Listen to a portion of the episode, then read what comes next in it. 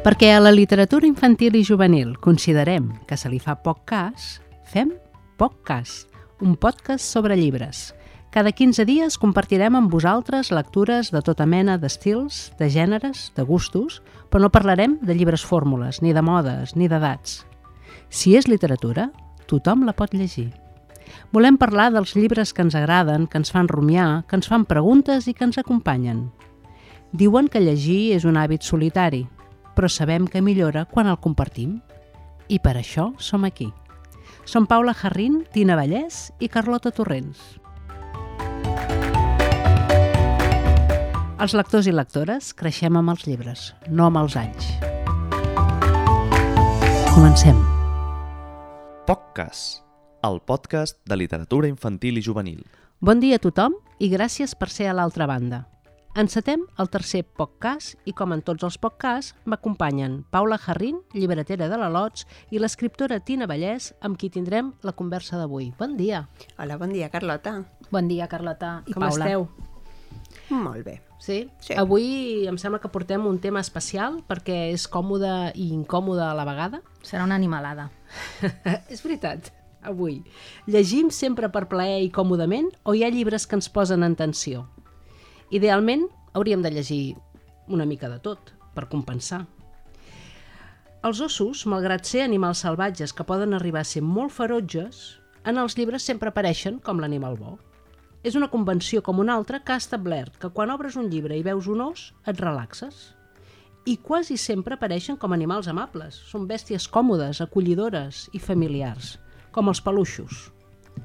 Però no tot són comoditats en aquesta vida i hi ha llibres que ens posen en guàrdia, com quan ens diuen que al mar hi ha meduses.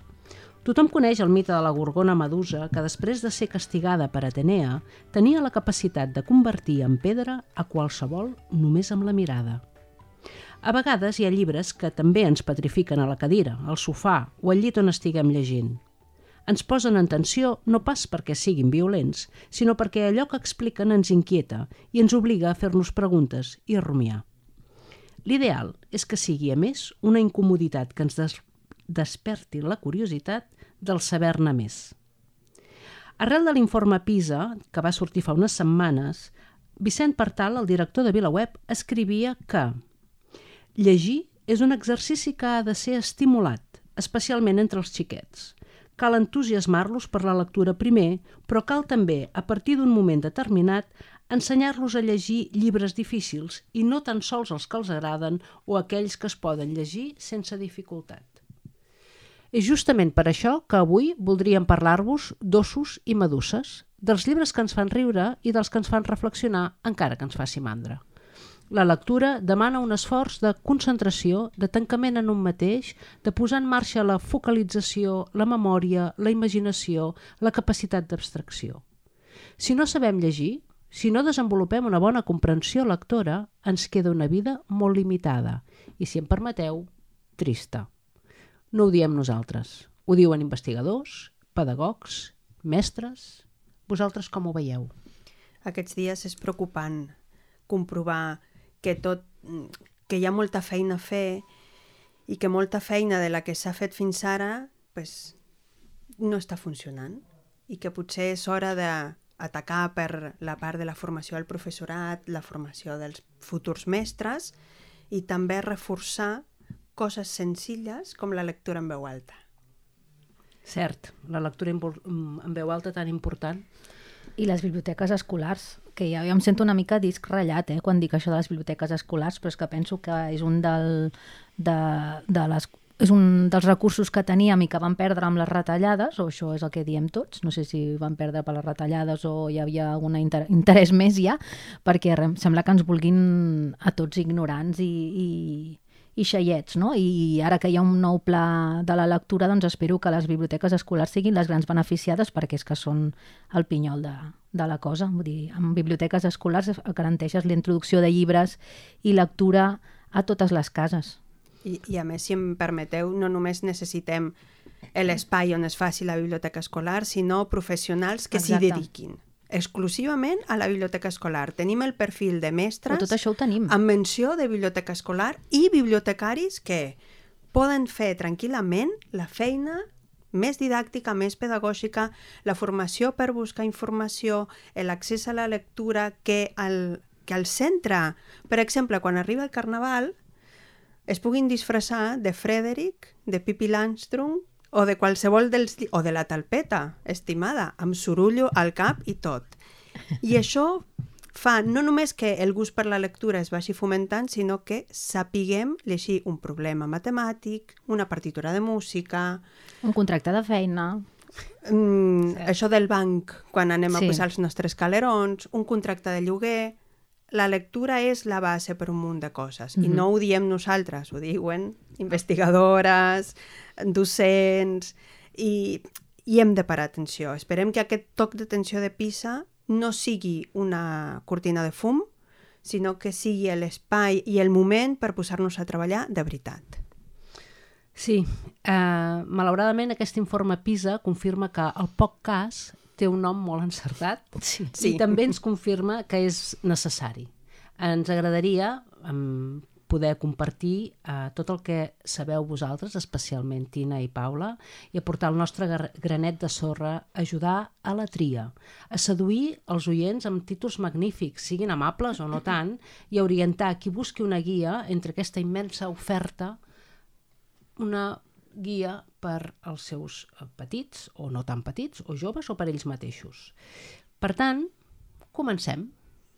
Després de la conversa te'n sentirem la tabarra de l'escriptor i periodista Adam Martín Skilton i ara sí, Paula, en què somiava l'os? Ai, en què somiava l'os. Aviam, començo amb un llibre que és una novetat, que és aquest en què somiava l'os, de l'Albert Asensio.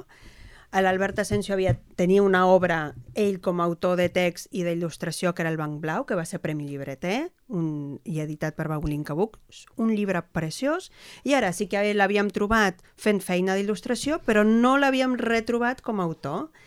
I aquest llibre em consta de que feia molt de temps que estava allà, coent-se, fent xup-xup a poc a poc, i ens trobem amb un llibre eh, fantàstic. Té un punt de contacte amb nosaltres perquè aquest os, que és enorme i que és molt gran, un dia es troba una nena, que aquesta nena es diu Ona. Malgrat tothom s'espanta, aquesta nena està molt tranquil·la al seu costat. I aquest os l'explica, quan va agafant confiança amb aquesta nena, que ell vol ser poeta.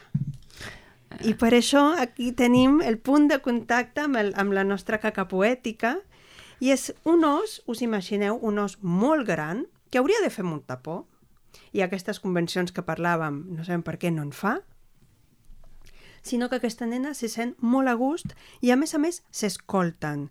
Um, tenen cura un de l'altre comparteixen espai, comparteixen joc comparteixen un banc i aquest os l'explica que un dia escoltant un pallasso recitar una poesia del Joan Salvat Papaseït que diu «Si anessis lluny, tan lluny que no et sabés, tampoc ningú sabria el meu destí». I a partir d'aquest moment, l'os vol aprendre a ser poeta.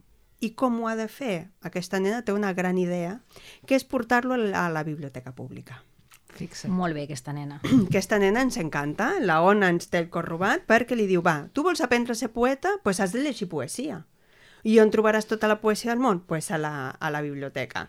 No us perdeu que hi ha una il·lustració meravellosa d'un passadís de la biblioteca on trobem a la nostra estimada Maria Mercè Marçal, uh, tenim, per suposat, el Papa Saïd, jo tinc la meva estimada Alfonsina Storni, Glòria Fuertes, Juan Ramon, Rosalia de Castro, Salvador Espriu, tots els noms dels poetes i poeteses que us podeu imaginar. Passegen, també van a la llibreria. O sigui, l'Albert ha fet aquí que totes les baules siguin presents, va a la llibreria, comença a llegir poesia, llegeix i llegeix, però té un problema, que ni així li surt. Hi ha un problema, i decideixen sortir de la ciutat. I us explicaré fins aquí. Ah. Perquè, clar, no, no explicarem tot. Ara em pensava que m'anaves a espatllar al final. No, només dir-vos que al final, per arribar a aquesta resolució final, que és meravellosa, perquè a més el pes de la il·lustració és absolutament delicat i no cal dir absolutament res, té algun moment que té algun, mm, alguna coseta no tan equilibrada, però que quan arribem al final tenim un final tendre, sincer, de veritat, que li perdonem tota la resta d'Albert Asensio. I a més, ens ha deleitat amb aquestes il·lustracions tan boniques, L'abraçada. la, és, una, és, és una meravella. I eh, Abans que arrenquis, eh, vull dir, ara tenim el primer, avisar que tots els llibres que sortiran avui, que són molts, no us estresseu, els trobareu tots a VilaWeb, no cal que ara correu a buscar un llapis, sobretot si esteu conduint, mentre ens escolteu. o si esteu eh, fent els plats, o si esteu fent els plats, eh, prudència, um, els trobareu tots al final en el, la web del, de VilaWeb, en la secció dels, dels podcasts. I eh, també dir-vos que si sentiu fressa, eh, som nosaltres, que remenem llibres, són massa bonics per no obrir-los. i perquè així tenim la Ona que ens acompanya, ens acompanya aquest os meravellós, i dir-vos que és un llibre que cal llegir una, dos, deu mil vegades de guarda inicial a guarda final. És a dir, això que s'amaga un cop obrim el llibre, que està posat per fer bonic, perquè si no es veuria un cartró, allà hi ha molta informació i lliga molt bé tant les guardes inicials com les finals. És un llibre per gaudir en lectura de text i lectura d'il·lustració de principi a final. I pareu atenció, a, la, a les il·lustracions hi ha amagat un ratolí, que és un homenatge al primer ratolí poeta de la literatura infantil. I aquí li passo la paraula a la No, em sembla que no es podria lligar bueno. millor. Abans, per això volia dir, eh, en relació a això de, la, de les guardes, que, que és la gràcia dels àlbums infantils i que haurien de ser tots els llibres així pensats com a objecte. Eh? Vull dir que qualsevol racó del llibre està pensat eh, fins a l'últim detall. No? Llavors, mm, quan treballes en llibre infantil, eh, parlo des del punt de vista de l'edició, eh? treballes també en el llom, en la guarda, en la coberta, la portadella, la dedicatòria, fins i tot hi ha gent que juga també amb el codi de barres, vull dir que hi ha tot un, tot un treball de, de, de disseny de l'objecte, perquè un llibre és un, un llibre és un objecte que, que és important, que, que el I com- destaquem quan es fa. Com no diu la meva fa. amiga Marta Roig, secretària de l'IBICAT, el llibre i el llibre infantil és un objecte de difícil decodificació, perquè té totes aquestes petjades amagades al llom, a la coberta, a la contracoberta, a les guardes. Per això podem llegir-los més d'una vegada. I tant. que hi ha llibres per adults que això no ho resistirien. No. Abans d'anar-me'n amb el nostre Frederic, el nostre primer poeta de la literatura infantil i juvenil, volia comentar això dels ossos còmodes, incòmodes. Eh, per què els ossos són còmodes? Perquè si és un animal que és tan, tan perillós com ho és una guineu i un llop, o un llop, eh, en canvi l'os és còmode, no? és agradable. Veus un os i és com l'abraçada, aquella cosa, la tendresa i tal. Suposo que ve una mica pel tema de, dels ossos de peluix, també una mica, tot i que anteriorment ja hi havia ossos a la literatura infantil, en els contes clàssics, no? I llavors em vaig dedicar a buscar-ho i resulta que sabeu que els ossos de peluix en anglès es diuen teddy bear. Sabeu per Sí. què es diuen teddy bear? Jo no. No? Ningú? Mm -hmm. uh, Theodore Roosevelt, president dels Estats Units, el 1902, se'n va a la frontera, vaig ràpid, eh, entre Mississippi i Louisiana, a resoldre un conflicte fronterer. I quan arriba allà, per rebre el president, la gent d'allà li ha muntat una cacera. I tenen un os mig mort i ferit, lligat, perquè ell dispari i digui he caçat un os. I ell diu, no, jo aquest os no el disparo, em fa molta pena. Això va fer riure la gent, se'n van enfotre d'ell, perquè un home en aquella època, 1902, eh, Havia de havia un de caçar i havia de matar un os, no? Aleshores, un, un humorista satíric dibuixant va fer una tira eh, satírica sobre el president i l'os i va dibuixar-hi allà un os. I un venedor de joguines, eh, quan va veure aquella tira, va fer un os de roba amb els ulls com botons i el va posar a l'aparador amb, el, amb la il·lustració, suposo que també per enfotre-se'n. Però què va passar? Al contrari, la gent va començar a entrar a la botiga a demanar-li aquell os. I llavors el tio em va començar a fer i d'aquí va sortir el teddy bear. Què? Com us I, quedeu? mm, I d'aquí van néixer els peluixos. Exacte. I els ossos han deixat de ser perillosos gràcies a Theodore Roosevelt. És possible Molt que bé. no va matar un os. Que, no, que va decidir no fer-se el, el, el machirulo. Exacte. Una estoneta. No sabia pas que un dia acabaria dient visca Roosevelt. I ara faré de Frederic... Bueno, ara he fet de Frederic jo una mica. Sí, eh? Us he sí. explicat aquí una Sí. cosa com per entrar en calor. En Frederic és un personatge de Leo Lioni, que és un autor classiquíssim de la literatura infantil i juvenil, indispensable, que segur que hi tornarem, i que ara, aquest any, bueno, l'any passat, de fet, el 2023, va fer 60 anys. Fixa't. Si aquest ratolinet tan mono, que a la coberta té una rosella a la mà, em, ja té 60 anys. En Frederic està, viu amb una colla de ratolins, que no sé si són familiars o amics o una mica de cada, que, que s'acosta l'hivern i han de, han de fer rebost. Han de fer rebost de blat i de, bueno, de, de menjar per poder passar l'hivern tots tancats. I tots estan recollint menjar, menys en Frederic. I li diuen, però Frederic, tu per què no treballes? Diu, jo sí que treballo. Recullo raigs de sol per als raigs de sol per als freds i foscos dies de l'hivern. Després estan recollint una altra cosa i Frederic, tu per què no treballes? I llavors diu que recull colors. Després diu que recull paraules. Total, que el tio és un penques i no treballa mentre tots els altres estan esllomant No allà. Espera, espera, després ho arreglarem. Ells creuen. El... Ells creuen que és un Sí, penques, penques. no? Perquè Ara, des de ara. fora el poeta se sol veure com algú que no treballa, però és que està treballant d'una altra manera que és molt necessària en alguns moments, com per exemple quan ja és ple hivern, us heu acabat totes les existències, tens gana i el temps de cop i volta és com si s'hagués multiplicat per dos, no passa el temps. Llavors arribarà en Frederic amb les seves paraules, amb els seus raigs de sols i amb els seus colors i comença a parlar i a descriure el sol, a descriure els colors, a recitar i els distreu i de cop i volta ningú té gana ni té fred perquè el Frederic està fent la seva feina, que és un poeta. Diu, feia fred i ningú no tenia ganes de parlar. I ell els hi va dir, tanqueu els ulls. Diu, era la veu d'en Frederic? Era màgia? I jo dic, no, era literatura. Era literatura. Jo crec que en Frederic és la raó de, de, de ser aquí, és una de les raons per ser Absoluta. aquí, per fer podcast. Eh, és això, i llavors li diuen, al final de tot del llibre, m'agrada molt aquest moment que li diuen Frederic, ets un poeta. I ell diu, ja ho sé. Sí, perquè té l'autoestima molt ben posadeta. Sí, sí, sí. I a més, amb aquest llibre, la, la, una de les versions castellanes, la traducció és de la Matute. Oh. Caram, o En sigui... català l'ha traduït l'Eulàlia Planes. Sí, que és meravellosa, però sí, sí. si trobeu en alguna llibreria de vell aquella de traducció de la Matute és per tenir-la eh, i posar-la en un altre sitio. I és, és un llibre meravellós. Sí, sí, sí. Se'ns ha colat aquí amb els ossos, però és un ratolí acomodat. Acomodat i estimat. Sí, L'havíem de posar. Sí, sí, jo sí. continuo amb els ossos i amb una ratolina. i amb una ratolina, perquè van de la maneta. Uh, aquest parell uh, són el- l'Ernest i la Celestina. En, no serà la primera vegada que vinguin a fer-nos companyia, segur. La Gabriel Vincent, que es deia de veritat Monique Martín. Ah, I el seu pseudònim era Gabriel Vincent, una il·lustradora belga que va morir l'any 2000. És la responsable d'aquests dos personatges que tenim una ratolina i un, i un os, que és l'Ernest. L'Ernest la va adoptar, se la va trobar a les escombraries. Hi ha un llibre que es diu El naixement de la Celestín, que no està editat en, ni en català ni en castellà, que trobem com l'Ernest la recull de la basura perquè ell estava per allà i sent un sorollet i com al veure-la tenim aquella sensació com quan coneixem un infant que acaba de néixer i ens enamorem absolutament. És aquella mirada d'un papa que s'enamora de la seva criatura.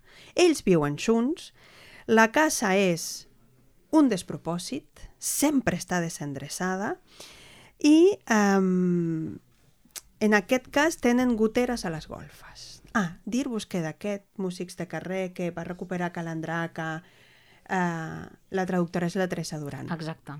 Uh, perdona, però ens estàs explicant, és una sèrie? És una sèrie. Hi ha molts vo altres volums, Hi ha que, altres no estan, volums. que no estan disponibles en... Hi ha alguns que estan disponibles i estan disponibles en Calandraca, també amb traducció de la Duran, i hi ha d'altres que eh, ja no es troben, però jo crec que a poc a poc Calandraca ens anirà donant alegries amb I aquest sempre parell. són músics.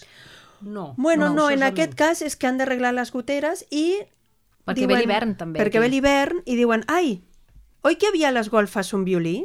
Va, Ernest, ja veuràs, toca el violí i anem al carrer, aviam si guanyem unes monedes. Eh, Dir-vos que la primera vegada no surt bé i la, la Celestín diu, vale, jo cantaré. I a partir d'aquí la cosa millora. Um, us he de dir que eh, arrepleguen uns quants dinerets, haureu de descobrir si arreglen les goteres o no. Penseu que eh, quan parlem de les motxilles ficcionals dels infants i com d'important és omplir-los d'històries, jo us explicaré una història eh, molt familiar, amb el permís de la meva filla. Quan ella era molt petita, tenia 3, 3 anys, 4, o sigui, aquests personatges a casa sempre han estat molt presents, em va dir, Mama, jo t'estimo com s'estimen l'Ernest i la Celestina. Ai, que maco. Era com la seva forma de poder posar en paraules això que sentia, perquè deia fins i tot tenen la casa desendreçada com nosaltres, mama. I ens estimem igual, i clar que ens estimem. Però el poder trobar en aquests personatges la forma d'estimar-se, i era el que ell em volia dir, és quan la literatura té sentit també, perquè hem posat a la seva motxileta ficcional aquest, aquest exemple de jo t'estimo com s'estimen l'Ernest i la Celestina, perquè a més es barallen, perquè mm. la Celestina és un cul inquiet, ell és més reposat, però són diferents i s'estimen de totes formes. És, són, són aquelles històries que llegireu amb els infants i que recordaran tota la vida. A més, eh, la Gabriel Vincent treballava amb aquarel·les i tenim sempre la sensació de moviment amb els mm. personatges, sempre estan vius. Hi ha una escena que baixen les escales de les golfes i és com si s'estiguessin movent. I des d'aquí, estimats editores i editors del món infantil, una petició, petició molt especial. Un llibre de, que es diu Desorden en el Paraíso. Perdoneu que tradueixo del francès al castellà, la llengua materna surt Surt així, um, que és eh, un angelet que es revela al cel. No és de la nissaga de l'Ernest i la, la Celestina, Vincent, per però això, és Gabriel mhm. Vincent. Mm -hmm. És un llibre meravellós i que sempre estic esperant que surti algun dia. Jo no sé si ens escolten gaires editors, però poden tenir... És a dir, un editor, quan que busca llibres... una llibreta, eh, perquè... Sí, exacte, que ens escoltin amb llibreta, perquè hi ha moltes peticions i, i a vegades busquen inspiracions eh, per continuar omplint el seu catàleg i aquest tot just és el tercer poc cas i em sembla que ja tenim una llista una mica llarga. A més, el Ernest i Celestina també se n'han fet dues pel·lícules. Això, sí. La del 2012, més el guió el va fer el Daniel Penac, o sigui que tot queda a casa també. Hi ha, hi ha una novel·la que està editada només en francès que, el, que en Penac retoma i és la novel·la de l'Ernest i la Celestina escrita pel Penac a partir de dels personatges mm de la Gabriel Vincent. I la pel·lícula conserva aquest to d'aquarela i aquest moviment que sembla que s'estigui dibuixant el, el, el dibuix mentre el veus, com que veus el traç com que apareix i desapareix, no sé, és la... Bueno, jo només he vist la primera, però em va fascinar, a, a banda de la història que és preciosa i que l'Ernest transmet una sensació com de, de protecció Absoluta. preciosa i ella és, és, és encantadora, és, el tema del, del color, del dibuix, del traç és espectacular. I si no us diguéssim que la Gabriel Vincent va morir l'any 2000, el veuríeu i és un llibre absolutament actual. Classicon, amb aquell punt classicon, però molt actual, molt actual. I em sembla que anem d'un os a un altre, perquè avui hem dit que aniria d'ossos i meduses. Les meduses suposo que arribaran una mica més tard. De moment continuem amb l'amabilitat dels ossos. I aquest és molt, molt especial. És l'únic os o l'únic personatge de ficció que van aprendre el té amb la reina d'Anglaterra. Cert. En Paddington és dels ossos més estimats de la literatura infantil i digueu, deixeu-me dir una cosa. Com un estat tracta a la seva ficció i sobretot a la seva ficció infantil, diu molt o molt poc de lo que els importa o no. I aquí callo. Paddington ens té el cor robat fa anys. El senyor i la senyora Brown van veure en Paddington per primer cop en una andana de tren. Així és com comença aquesta història de Michael Bond, um, que a més a més en Paddington és el primer polissó de la literatura infantil i juvenil. En Paddington va néixer al Perú profund, com diu ell, i la seva tieta, que està retirada en el casal d'ossos retirats, l'envia cap, al, cap a Anglaterra amb una etiqueta que diu «Sisplau, tingueu cura d'aquest os». Però és peruà i es diu Paddington? No, clar, ell, ah. ell explica que el seu nom seria molt difícil de dir en anglès. I el senyor i la senyora Brown, com que el troben a l'estació de Paddington, diuen, et diràs Paddington. I al cementiri, al cementiri de Paddington hi ha enterrat en Michael Bond i en la seva làpida hi posa, si plau, cuideu aquest os. Gràcies. Oh. És que, com no cuidar-lo? Dir-vos que aquestes històries ens connecten amb l'importància de tenir un nom, amb com acollim els que són o venen d'altres espais, d'altres llocs, com necessitem cases i famílies que tinguin cura de nosaltres. I ara passem d'un os polissó a un os mm, sense sostre, no? Sí, i aquest és Ja quan ens comencem a eh? posar una mica incòmodes, perquè si veiéssiu la, la coberta, aquest os d'hivern, que és de la Irene Soig, eh, pues dius, ai, mira, ni tan mal. Eh, així com el senyor i la senyora Brown no van voler que en Paddington es quedés allà, solet, a l'estació de tren passant un hivern pelut, aquest os d'estiu, os d'hivern, perdoneu, a l'estiu es fa el xulo. Ara. Ara. Um, però s'està acabant la tardor i quan va buscar el seu cau, ah, el cau ha desaparegut. I aquí tenim el gran problema. A partir d'aquí ha de buscar un nou espai on passar l'hivern, perquè, tot i ser un os de lig, un os de literatura, ha de- ha d'hivernar. I anirà a petar al carrer. En allà tenim tota la vida al carrer i la duresa de la vida al carrer com hi ha una persona que sí que li ofereix, una dona li ofereix un cafè calentó, van a un espai a buscar un abric, però no sempre és ben rebut. La cosa comença a acomodar-se, però tot anem llegint i estem, estem incòmodes, perquè estem patint molt per ell. Quan coneix algú que és en Norbert i és quan les coses comencen a canviar. I com també quan deixem d'estar en aquella soledat, en aquells espais tan marginals i tenim algú que ens acompanya, la cosa va millorant poquet a poquet. Um, em sorprèn que estigui explicat en primera persona. Mm, es diu Aldo. Que normalment els, els àlbums... Eh, eh, hem passat una mica d'edats, el Paddington potser és per una mica més grandets i aquest potser és una mica per, per més nens, però normalment són, estan narrats en, en tercera. En tercera. No? I que aquest estigui explicat en primera és molt més punyent. Um, veure un, la imatge típica que a vegades veiem als carrers de gent dormint al carrer amb, amb cartrons és una imatge molt punyent eh, que in- interessant d'introduir i incòmoda. Molt incòmoda i molt necessària. I ara ens, cada cop ens incomodarem una miqueta més perquè arriba la Kitty Crowder, que és una autora i il·lustradora que és especialista en generar-nos, no incomoditat, però sí estranyesa. És una senyora, que, una il·lustradora, que, que li, es, es situa sempre en el moment aquell d'abans d'anar a dormir, entre realitat i somni estan les seves històries, no? Llavors, abans de començar amb, amb la segona part del programa, que és les meduses incòmodes, aquestes enigmàtiques, em, agafem un llibre seu de transició, que són els contes de la mare ossa, perquè d'alguna manera em, és, un, és un llibre que ens porta cap a, cap a la mare medusa, tot i que no sé quin és anterior o posterior, és igual. Però el cas és que els contes de la mare ossa, on hi tenim encara ossos, és una mare que posa el seu nen a dormir i l'os li diu, sisplau, primer explica'm tres contes. I en un dels contes hi ha una guardiana de la son que té uns cabells que emboliquen tota l'habitació quan ja, ja ha enviat a tothom a dormir, que, que lliguen molt amb els cabells de la nostra mare, Mare Medusa. Medusa. La mare Medusa és una història eh, incomodíssima. Eh, el primer cop que la llegeixes et sembla una història molt senzilla d'una mare que està a punt de parir i hi ha dues llevadores que fa molt de vent i estan corrent per anar a casa d'aquesta senyora que es diu Medusa, que està a punt de parir una nena i llavors doncs, l'apareix, la cuida, li llegeix contes, l'alimenta, la bressola i té aquests cabells, que ja des de la coberta es veu, no? Una Sí, molt melena, perdó, una cavallera rossa enorme, llarguíssima, que és gairebé com, no sé, sembla un paller, segons com, no? Sí. almenys a la coberta.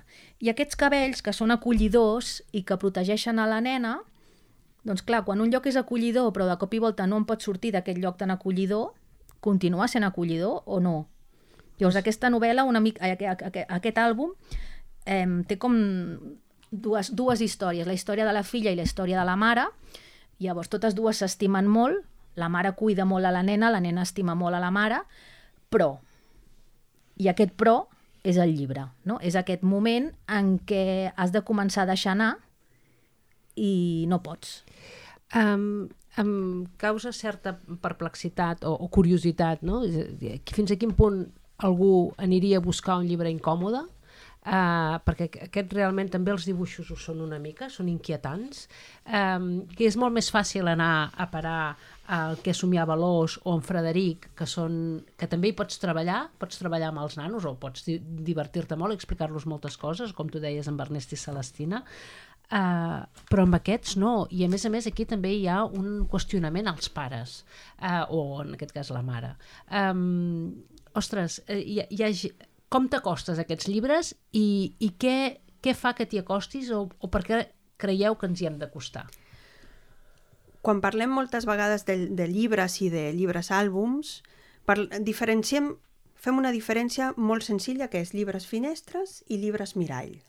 El llibre finestre és aquell que et permet gaudir altres vides, mm, viure altres espais, eh, sortir al bosc quan vius en una ciutat grisa, i el llibre mirall és com aquest Mare Medusa perquè t'està reflectint a tu adult i t'està parlant a tu adult o a, o a l'infant que se sent amb aquella opressió de no puc sortir d'aquí i jo vull sortir a córrer i pelar-me els genolls no són còmodes i aquí diguem que els mediadors de lectura hem de facilitar l'accés a aquests llibres mirall.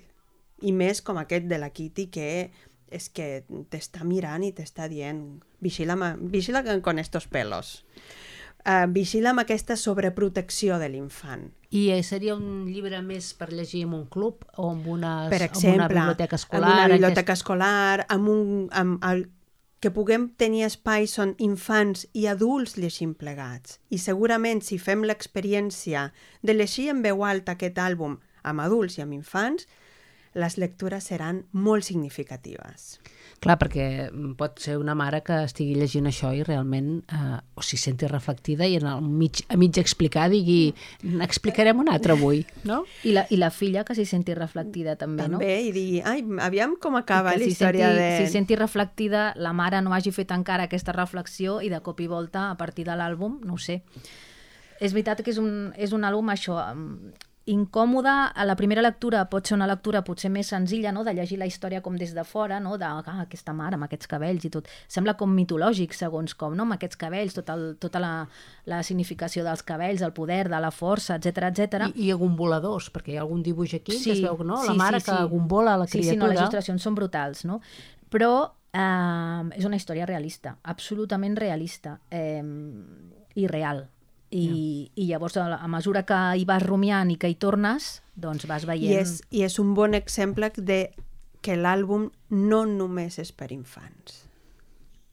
Uh, aquesta és molt important, uh, que a vegades tendim... Jo quan surto de viatge i vaig a un país que no conec la llengua, m'emporto un dibuix, un llibre de il·lustrat, un àlbum que em pugui cridar l'atenció eh, que em sembli que els dibuixos estan pensats també per més adults i que la història em pot interpel·lar encara que no l'acabi d'entendre. I um, cert, molt, molt cert.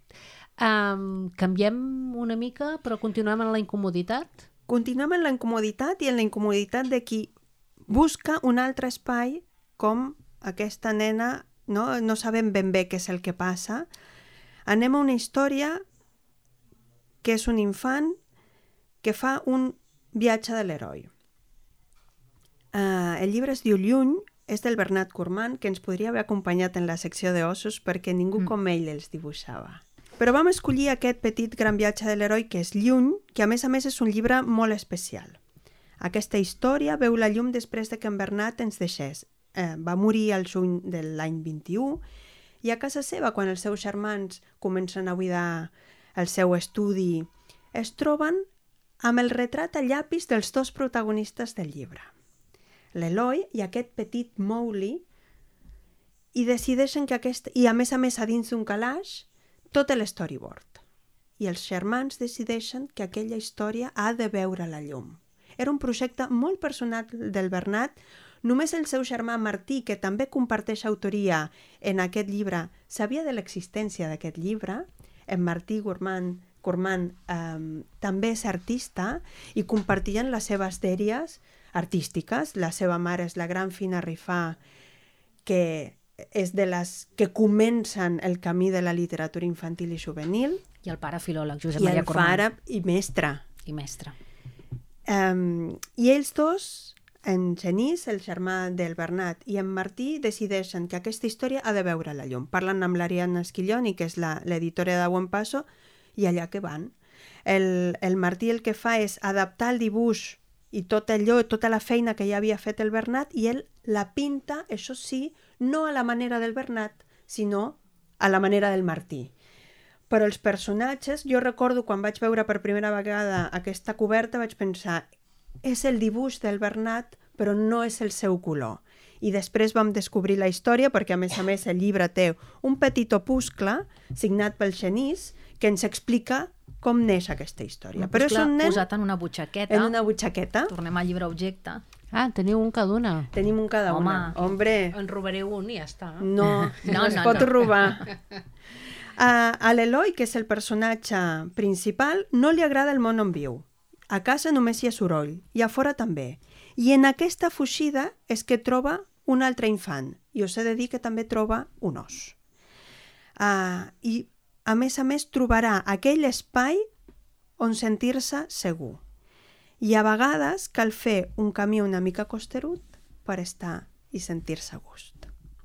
Sí, i acaba dient, aquí estarem bé. Aquí estarem bé. Que és preciosa la frase. Sí, realment, eh, quan llegiu us posa una mica la pell de gallina i tot, eh?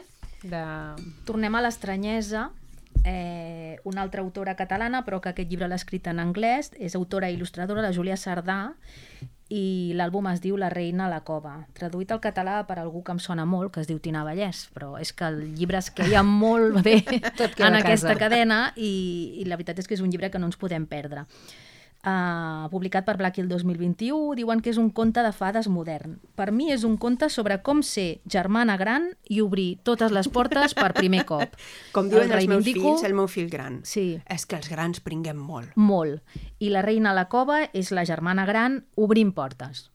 Uh, M'hi he identificat moltíssim perquè jo sóc germana gran i realment hi ha un moment en què la germana gran, la Franca, els hi diu a les altres dues uh, no, no us sentiu estranyes? Ningú més se sent una mica estranya?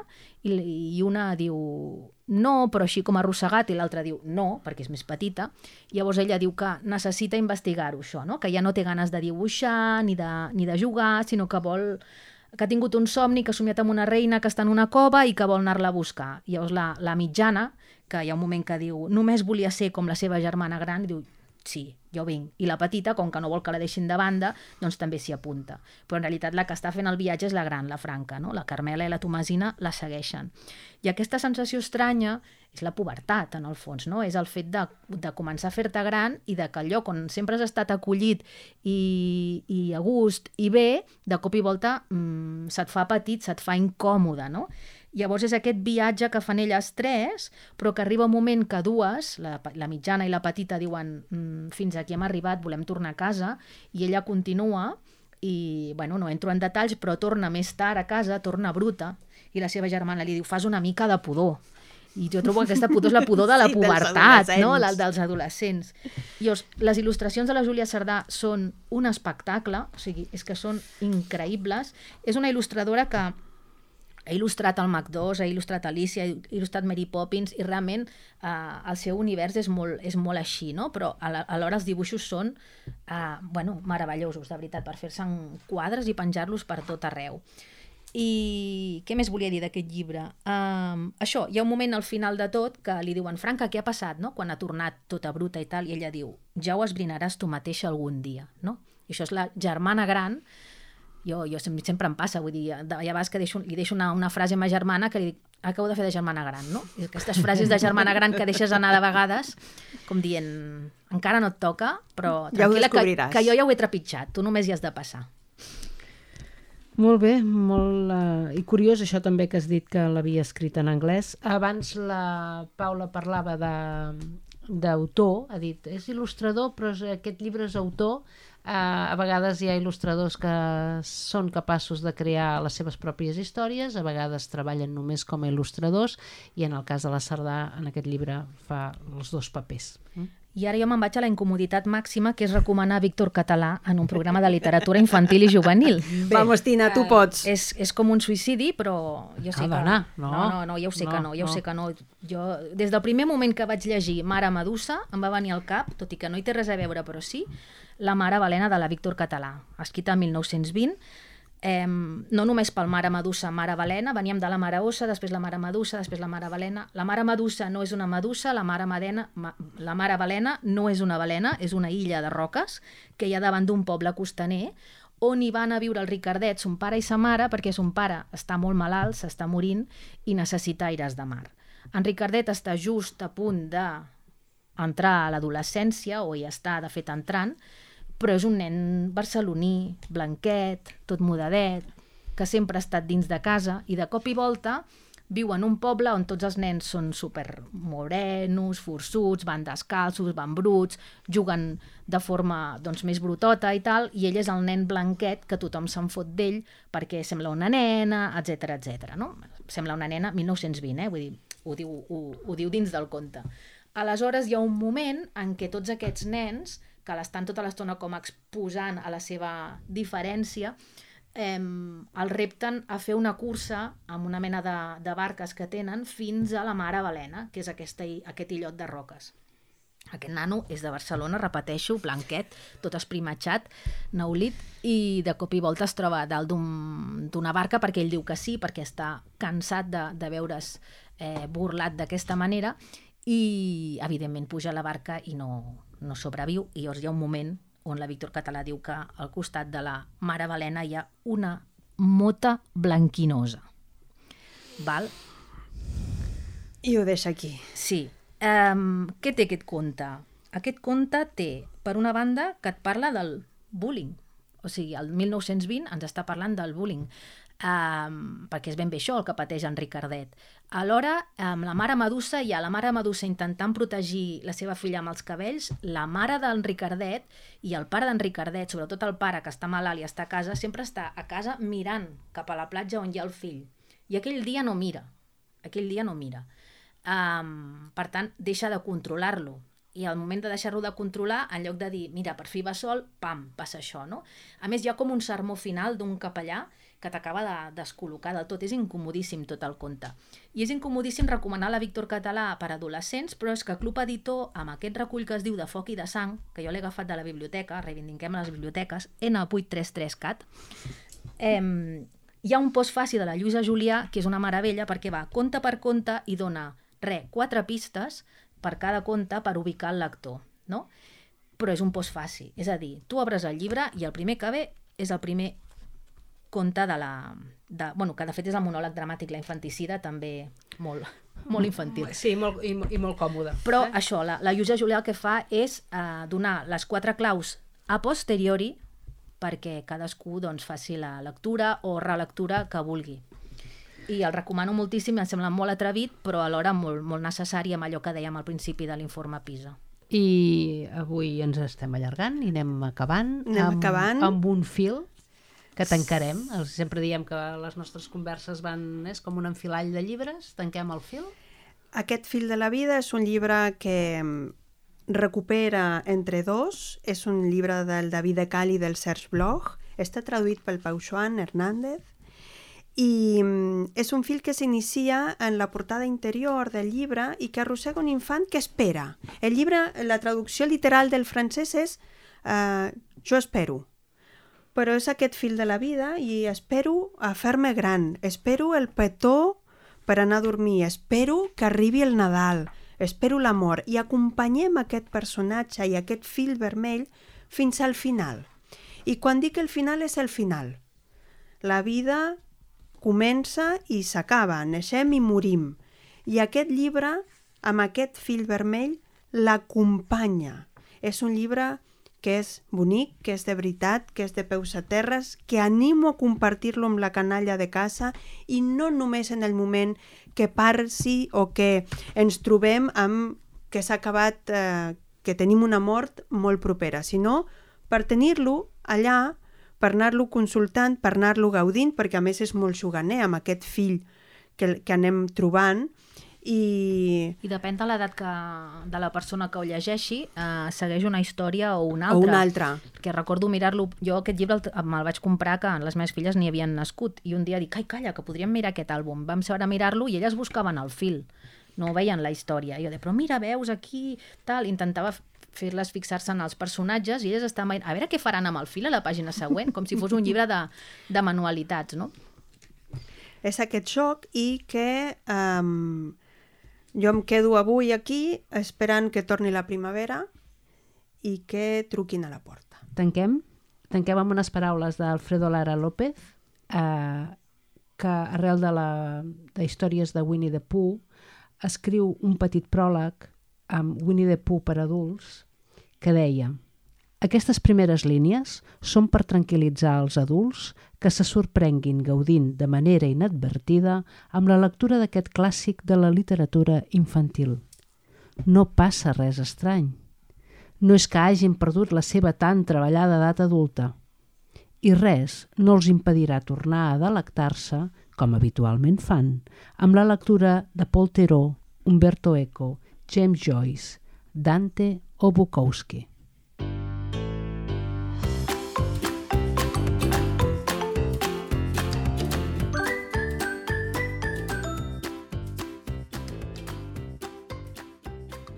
I és el moment de... Abans de sentir Adam eh, Martínez Kilton amb la seva tabarra, volem agrair des d'aquí a Jordi Benavente, escriptor i cap de comunicació d'Ànima Llibres i Més Llibres, que ens estirés les orelles una mica amb això que dèiem, la turra. Sí, Jordi, tens raó, en català és tabarra, i com que rectificar és de sàvies, doncs tenim la... Doncs les meves filles estaven enamorades d'un llibre que es diu Aquest conill pertany a l'Emily Brown, de la Cressida Cowell i del Neil Lighton, que explica la història de l'Emily Brown, que té un conill molt vell i molt atrotinat que es diu Stanley, amb el que té moltes aventures i juga moltíssim, i la reina Gloriana III s'encapritxa d'aquest conill, ho té tot, té totes les joguines del món i té tot el que pot desitjar, però vol el conill de l'Emily Brown perquè té enveja de com juga amb aquest conill. Eh, I al final li acaba, li acaba fotent. La veritat és que el, des, el desenllaç de la història és, és maquíssim i, i és super recomanable per criatures. Aquest conill pertany a l'Emily Brown. No podíem parar de llegir-lo. I en canvi el llibre que no he aconseguit que llegís cap de les meves filles és It, de l'Stephen King. Vaig intentar que el llegissin amb 7 o 8 anys i... No, és mentida, és broma, és broma. Jo sóc molt fan de Tolkien i, clar, per mi era molt important que llegissin El senyor dels anells, eh, que és un llibre que a mi em va marcar molt quan el vaig llegir quan tenia 12 anys i vaig pensar han de passar per aquesta experiència. I no hi ha hagut manera. Només la meva filla gran diu que l'ha llegit, però sospito que és per fer-me feliç, però la resta no. Per tant, 70, no, 67% de fracàs en aquesta, en aquesta aventura del Senyor dels Anells. Hem sentit a l'escriptor i periodista Adam Martínez Kilton parlant de les seves tres filles, la Laura, l'Àlex i la Bet, que ja són adolescents o, o ja són grans, eh, i torna a sortir el tema del Senyor dels Anells. Eh, team, equip eh, Senyor dels Anells, eh, equip no. Eh, Jo amb Sempre. les filles de l'Adam, sempre. Jo, jo amb l'Adam sempre. eh, jo em sembla que també sóc de, del Senyor dels Anells. Um, si voleu explicar-nos la vostra tabarra, deixeu-nos un missatge de WhatsApp al número 689 344 437, que és el mateix que dir 689 344 i 437. Ens agradarà saber la vostra tabarra. I ara sí, acabem per avui. Recordar-vos que trobareu la llista de tots els llibres de les quals avui han parlat la Paula i la Tina i us haig de dir que n'han quedat alguns damunt de la taula perquè avui el temps se'ns menjava, però el tema era molt interessant i no semblava que hauria de donar tant, això de la comoditat i la incomoditat, però ha estat molt interessant. Doncs, com us deia, la llista de llibres la trobareu a la, a la web de VilaWeb, amb tots els detalls d'autoria, traducció, il·lustració, editorial i també l'orientació de per quina edat és. Però recordem que l'edat és sempre, sempre orientativa. I per avui ja hem fet prou poc cas. Aquest programa es fa gràcies a en Carles Garcia al control tècnic, en Xavi Simó, que ens fa el logo de cada programa, el community manager Enric Galli, que ens fa sortir meravelloses als posts, i el suport de VilaWeb, que ens acull a casa seva. Tornem aviat. Recordeu que trobareu tots els llibres dels quals hem parlat avui a la web de VilaWeb a la secció dels podcasts. I mentrestant, llegiu i creixeu. I feu-nos una mica de poc cas. Gràcies per escoltar-nos.